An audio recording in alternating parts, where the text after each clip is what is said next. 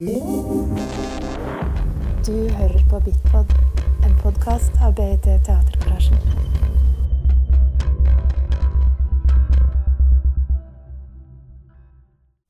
Hjertelig velkommen til uh, Rein bonus live podkast direkte fra Studio Bergen.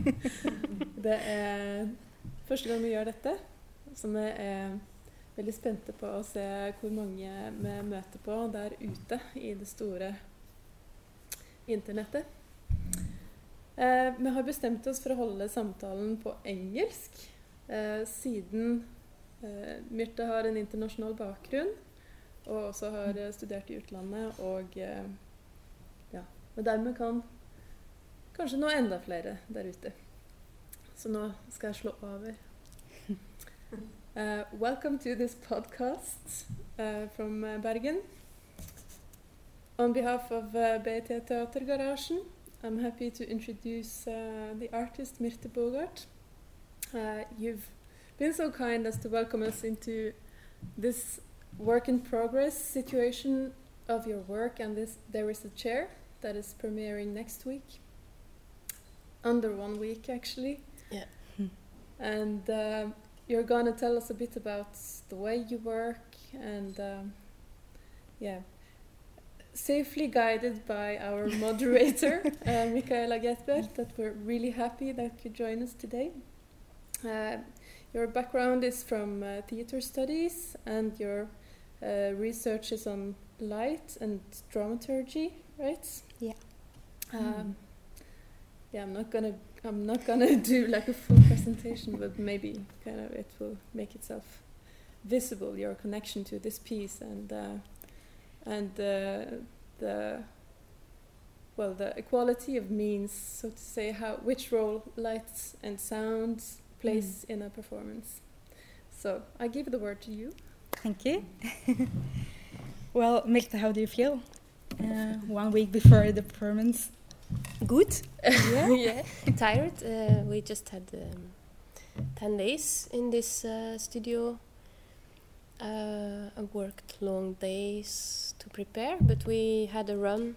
Uh, actually, today normally we would have another one, but uh, one of the team was sick, so yesterday we had a run which we all felt quite good with, so I'm Mm. very ready. yeah, that's good. That's exciting. Yeah. Uh, so before we talk about your upcoming performance, uh, would you like to tell us a little bit uh, about yourself and your background uh, in the scenic arts? Yeah. Uh, so actually, I start. I mean, I started dancing since I was a child, but um, professionally, I started quite late. I did some other studies first, and I went to a school in Oslo, uh, which is called Skolen for Samtidsdans. Now it's called Høgskole for Dansekunst, where I studied uh, for two years.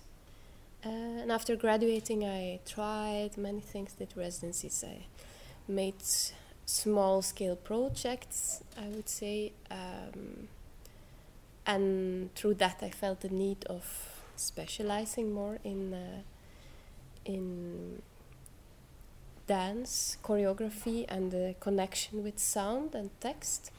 So I took part in a research program in parts. It's a school in Brussels um, where I uh, yeah studied for one year a research program.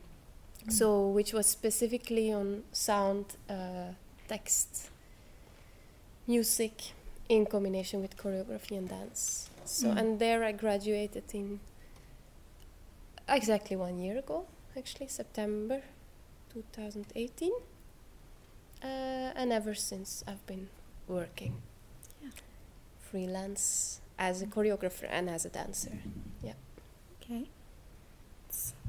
Uh, and are there any themes that uh, you that interest you the most, uh, or something you wish to convey to the, uh, to the audience uh, with your uh, performances? Yeah. Uh, well, for me, the why I also studied in parts was really because I was so interested in the link between sound and choreography, and also how choreography expands more than bodies movement uh, in time and space. So I was thinking about sound also as a movement, uh, light as a movement, or uh, yeah, how light and sound can become a part of the choreography. So this is this was the interest of for this project, and it's the start of a long-term uh, process, I guess, Mm. of working more with this uh, relation sound and text and light Mm. as part of the choreography. Yeah, because text came in um, as a prolongation of sound in a way, because I was mostly experimenting with sound through my voice in the beginning, as this Mm. was the most accessible uh, from dancers' perspective. Um, and and then very fast it came to okay, what what am I? I mean, I worked a lot with sounds, uh, which, uh, like, if you would come to the piece, you would also notice that it's still very present. Uh, Mm. sounds through the voice, but then the text also became a need because of working with the voice. Mm. So, and this was also very uh, present part in the uh, research program in, in parts, because there we really worked a lot with text and then music. So Yeah. it became very important Mm. yeah, somehow. Mm. Okay, and then uh, you started working this performance uh, when you studied at Parts, Mhm. uh, which is a school uh, for contemporary dance in uh, Brussels, uh, in Belgium. And uh, how did you first start researching for uh, this piece? Mhm. Um, so it started from this interest, which I just described, and uh, in the beginning it was a search of, because uh, I all the time got this question, uh, what is your research question? And uh, it was very hard for me to nail things down into like one specific thing. So I was uh, trying a lot of things, and then actually by accident. I was uh, working with like movements and the rhythm of movements and how that could become music. An accident, I was working with sitting and standing, uh, like very daily actions. And this was with a chair.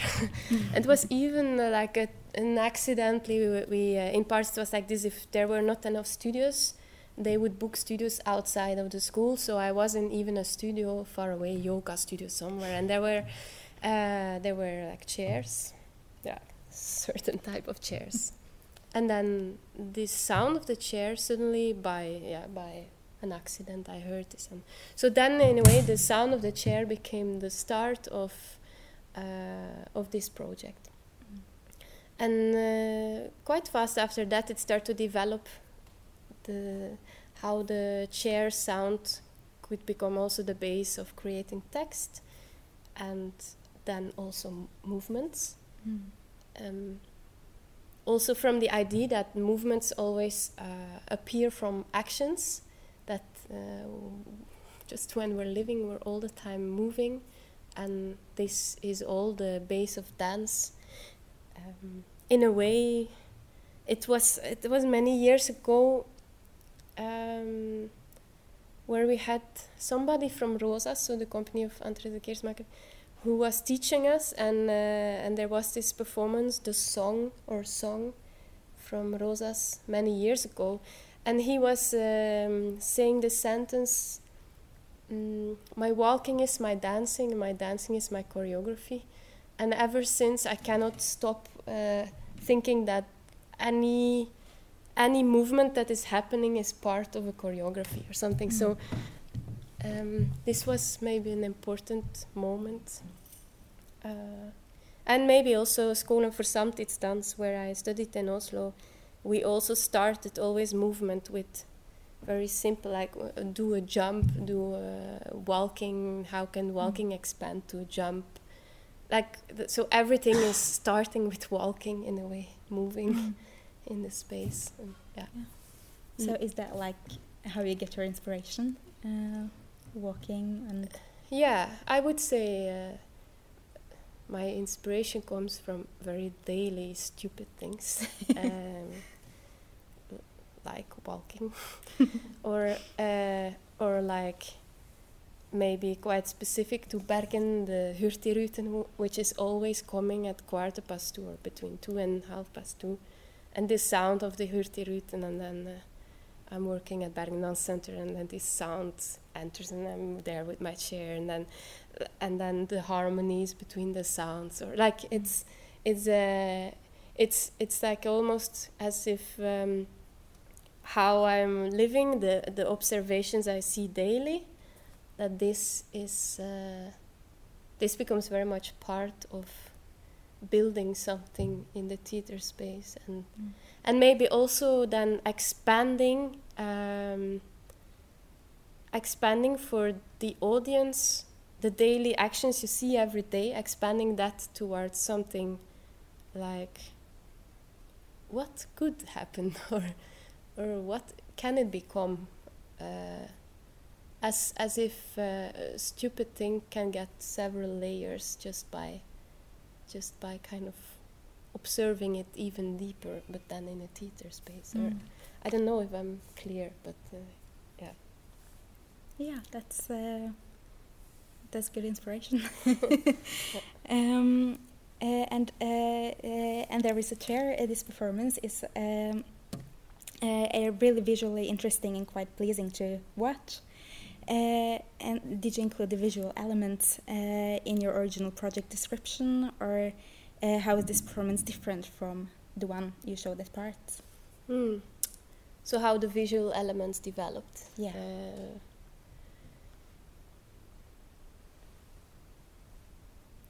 um, so in in parts, uh, my research was I was researching alone. Uh, I didn't uh, have the financial, mostly um, how to say financial uh, capacity to work with musicians or light designers or Mm. whatever. So I was mostly imagining imagining the visual by myself. But so then when uh, Stefan and Eirik came Mm. into the picture, um, it things became more realized in the visual. Uh, we we wanted also to, or yeah, it was it was the beginning of the project that we really wanted to make people aware also of the conventions Mm. of what we, what we see actually in this in this theater space. And what we don't see anymore because we see it every time. So in a way the the visual was there again like based on very daily or I, I don't know how to say like what is already there. So we just try to make it visual through different elements through the text or through the sound uh, through the lights. And to put attention on the things we don't see anymore the conventions uh, of the theater space so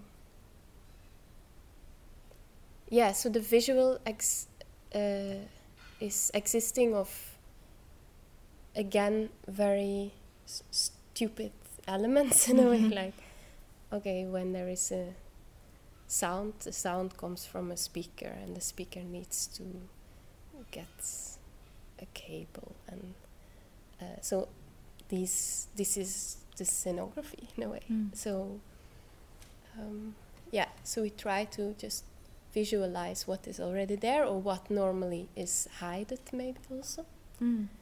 so that the theater space itself becomes the main subject in itself again yeah Mm.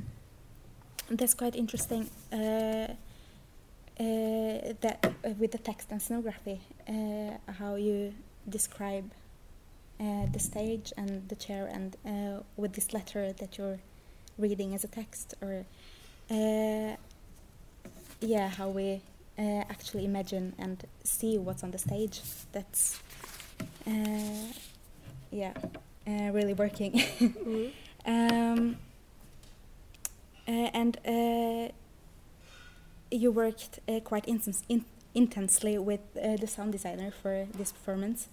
Uh, can you tell us about the process of the dance becoming sound and the translation Oh, from yeah. the sound Mm. uh, to composition and Yeah. then again to dance? Uh, yeah, so I think we started we started with very um, with very technical things, no, like trying out uh, what kind of sound elements we would use, um, and uh, yeah, there Stefan is coming, so maybe maybe you can. Uh, you can tell something about this. How did it start? Yeah, it started just with a bunch of um, ideas, very technically in, in the beginning, and um, um, this this um, trying to make everyday objects do something else than what they they usually do. For example, we had a a, sh- a moving shoe in the beginning, a shoe that was supposed to be on stage and then moving by itself and creating sound and creating rhythm. Those kind of props went away, uh, I guess, luckily.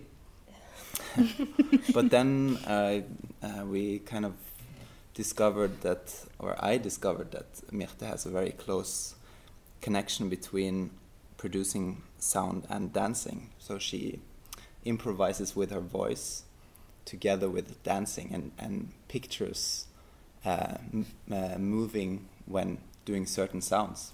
So I think the the breakthrough uh, for me was was when we when I just asked Mirte to just improvise using her voice and Mm. dancing, and I would just record that, like a couple of minutes, maybe, yeah, two three minutes, and um, and then we realized that oh we can really use this just just her voice and use parts of that. So Mm.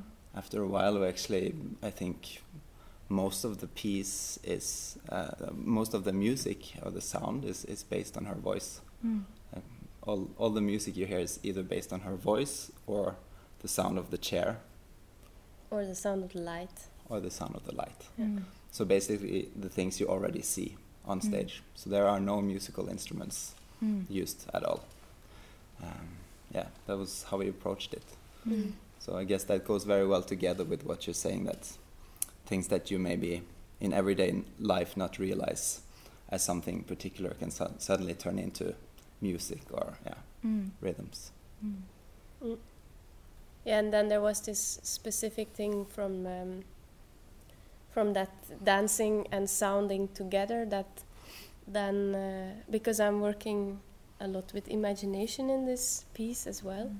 and how the image in your head can become part of what is happening and so then we did um, uh, then in the studio I was like dancing sounding together then I was uh, only uh, dancing while the sounds were in my imagination. Then I was uh, uh, sounding while the, I was imagining the dance. And so in the end, we recorded uh, in the, our last residency. We recorded the only the sound. We made this amazing recording studio, Mm.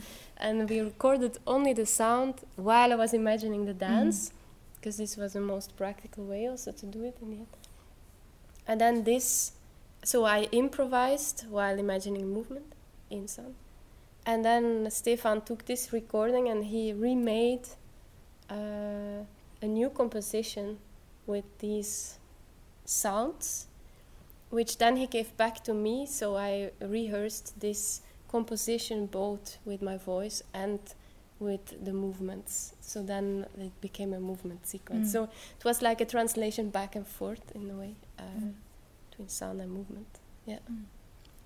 And how do you like singing and uh, using your voice in uh, improvising and Yeah, I mean, I love it. You I love think, it? Yeah, Yeah. I, w- I would not do it when I hate it, I guess. Uh, yeah, no. Okay, uh, that's- yeah, that's legit. uh, uh, yeah, it, Mm. it has been always like um, yeah I think it was an accident that I started dancing. I, I could also maybe have chosen music or like it's Mm. like a bit. It's, for me, it's very. Uh, I mean, now I'm d- I trained my skills in dance, but Mm. and I'm not a musician, but still I still Mm. really have a s- big interest in Mm. music. Yeah. Um, I have a question. Yeah. Uh, since uh, this is live, uh, I'm taking it upon myself to, to represent uh, the radio listeners. Uh, since we're talking about translation, uh, we are uh, hearing a lot of description about both sound and movement uh, to create some sort of visual backdrop for the listeners. Uh, we are sitting in a big space, uh, black walls, uh, just working lights. You're sitting at a chair uh, on chairs uh, at a table. But how would you describe with words this example that you've been discussing now with uh, the improvisation of sounds? I'm guessing from the um, open showing that you had it's this part with it almost sounds like birds chirping or something quite abstract, but it's very fascinating uh, and I, I really enjoyed it.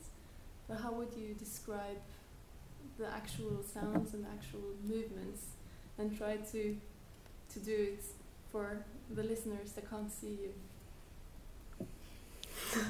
So how would I, or how would we, you. how would we describe the sound and the movements? Mm-hmm. Are you thinking about a specific scene of the where you heard the bird-like sounds? Yeah. Yeah. No, you can't make me describe it Mhm. now. No, no, of course not. But that had the working title because that's uh, that's another part again where because then your voice is being transformed into bird-like Yeah. uh, sounds, and uh, we started that out. Uh, we called it Garden of Eden. That Yeah. part was called because it just felt so magical when we found it. Because it's haunting in some way, and, and it's kind of these animals that you that don't exist, but you sort of recognize them somehow. Um, it's difficult to to visualize it. So something so dreamlike. Um, Maybe it's also important to mention how the light is at that moment, no? Because mm, uh, and also maybe the, the so the Garden of Eden was the original name, and later became the birds. mm, because the garden of eden in another order because we had all these scenes which we put in an order and in a certain order it, bec- it came after a quite dark uh, both in light but also in feeling uh, quite dark scene so so that's why the the the garden of eden became something very light or we wanted something very light so the sounds make it make make the atmosphere light uh, in some ways. To it depends again on its context. Um, and together with the sound of your, we also use some of your improvised um, uh, noises, um, which sound kind of jumpy, and, and it's like something between something very quick and something very slow and haunting, and, and that's kind of brings you into yeah something takes you into a dreamlike world, and then something snappy that brings you back the whole time, and yeah. yeah, I can't. It's so difficult to to to visualize it, but it's it's um, yeah. It has uh, in in our scene now. It has these fluorescent lights uh, hitting you, uh, so that you only see your silhouette, and you're kind of also moving between going between moving very slowly and doing very fast movements. yeah, Also, yeah. Um, And the, the flu- fluorescent lights are really cold. It's the only place in the whole piece where it's a cold atmosphere. Um, to me, it's it's um, uh, it's like you're trying to understand what you are, uh, what you're in, the sounds around you. You're trying to relate to them somehow, yeah, but they're uh, recognizable but unrecognizable at the same time. Mm. Yeah. It's uh, very ambiguous. Yeah. scene. Yeah, and in the sound also the uh, yeah exactly this of you you recognize the voice of somebody, but then suddenly it becomes something like a bird. Mm. so it flies away. This sound is flying away, and then with this kind of atmosphere, which is totally different than the rest of the piece, a kind of weird kind of atmosphere maybe. It becomes a almost like a dream or an Mm. intermezzo of something else. gives you the uh, you you get this question afterwards. You you like to be in there, but you were you're more like, what was that? You have no idea what that what that space was like. It was nice to be there, but you you just can't grasp it somehow. Mm. I guess Yeah. that's why it's so difficult to explain it. Yeah. Mm. Mm.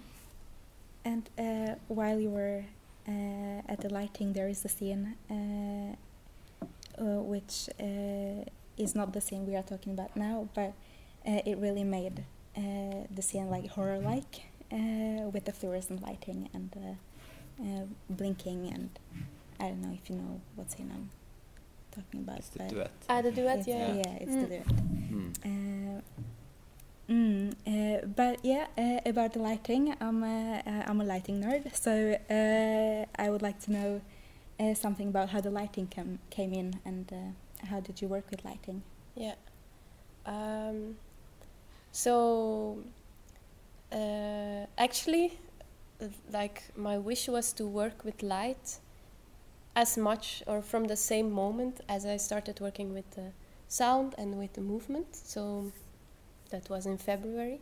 But due to practical reasons, then this could not happen in the end.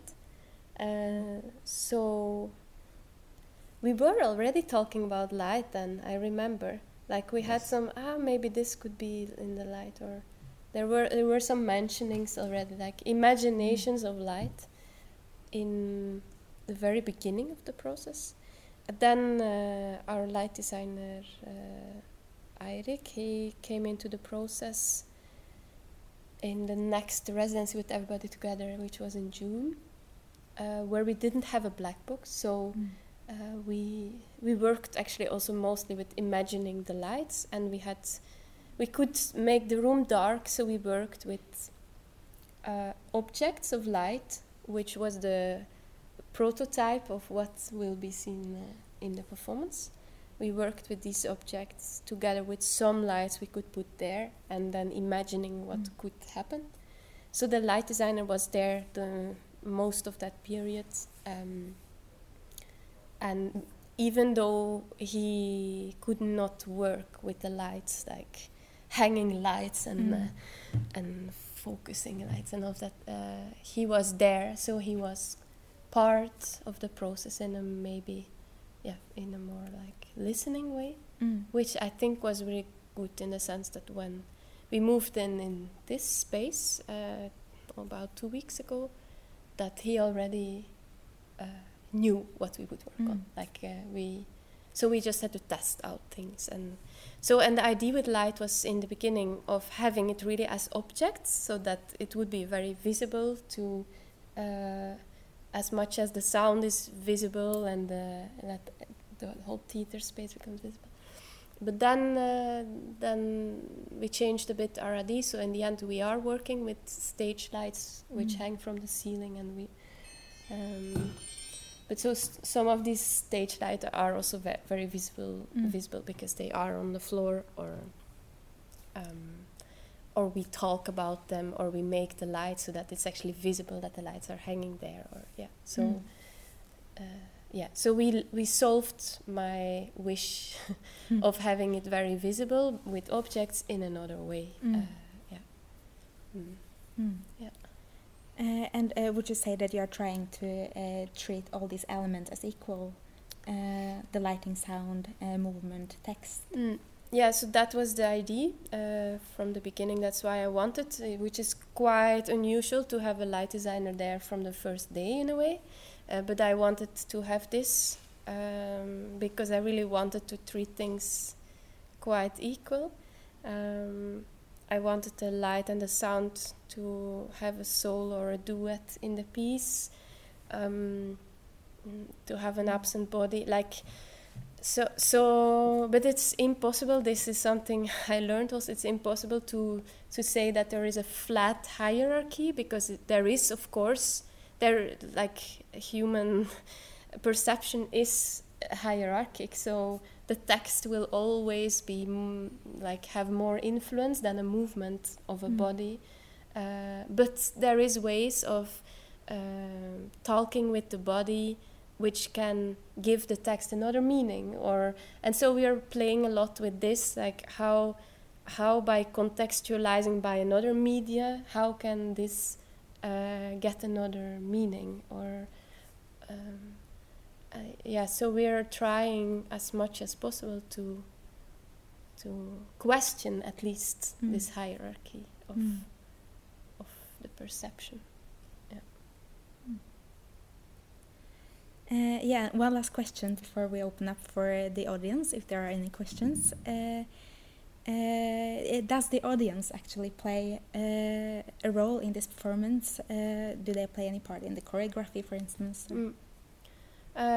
Yeah, so in a way, I try to think that so the movement uh, is part of the choreography, the light is part of the choreography, the sound is part of the choreography, and the text is uh, is part of the choreography. And the other element is the audience, in the way that I'm thinking about the audience as their imagination being part of the choreography. So uh, each individual is imagining things with what is happening in the space and i'm thinking that that they are contributing to the choreography by producing mm. producing images or thoughts or feelings which are very personal and of course which are not shared in a sense of um, visualizing them externalizing them outside of their bodies or like talking about it or it's not a participative performance in that sense but um, but uh, for me all these images are part of this space and then all the bodies that are in this space uh, seeing the performance also yeah contribute these images then which are in this space and which of course are related to each individual's background history uh, previous experiences or so in a way uh, it's also taking in this space the all the stories of the of the the bodies individually who yeah who take their stories in this space yeah Mm. and of course producing it in a very non-graspable abstract way but for me once you become conscious of this is part it is part of Mm. it so uh, yeah this may be this you can say about all the elements once you become conscious of uh, a chair is part of the scenography Mm. uh, it is part of a scenography you know like when you Mm. name it when you make it part it is part Mm. so yeah Mm. Okay, thank you. And uh, uh, are there any comments or questions uh, from the audience here?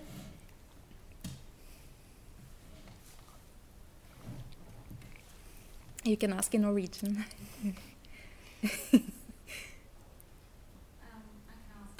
Um, you say there are different elements um, in the text.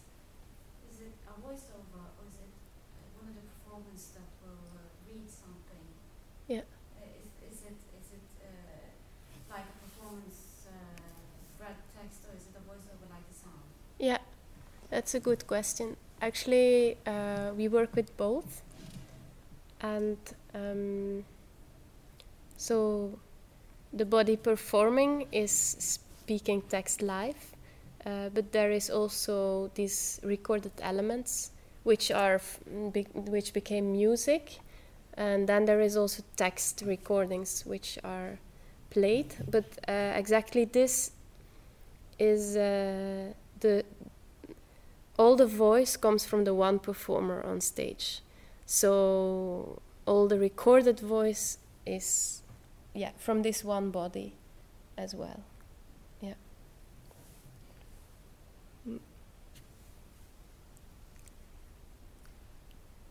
Yeah. Okay. Um, Hmm. uh, seems like we're uh, getting closer to uh, to the end.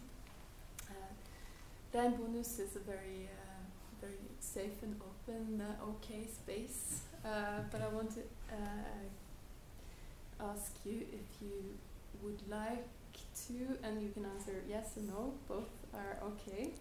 But if you would like to show us some movement or maybe parts of singing or ways of uh, how you're using the body Mhm. in this performance.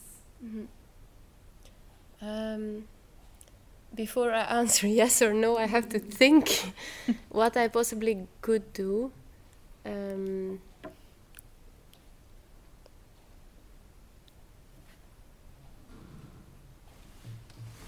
yeah, I could sing the dance. Yeah. Um, Yeah, that's uh, a nice one. yeah. Yeah, this is maybe the nice one. Okay, my voice is totally not warm, but uh, maybe I have to stand a bit further. But so I, I'm, I'm going to, um, I'm going to sing and dance with a not warm voice. Oh. Maybe I need a, a tone, and I have this uh, amazing piano app, which will give me, which will give me the the right tone.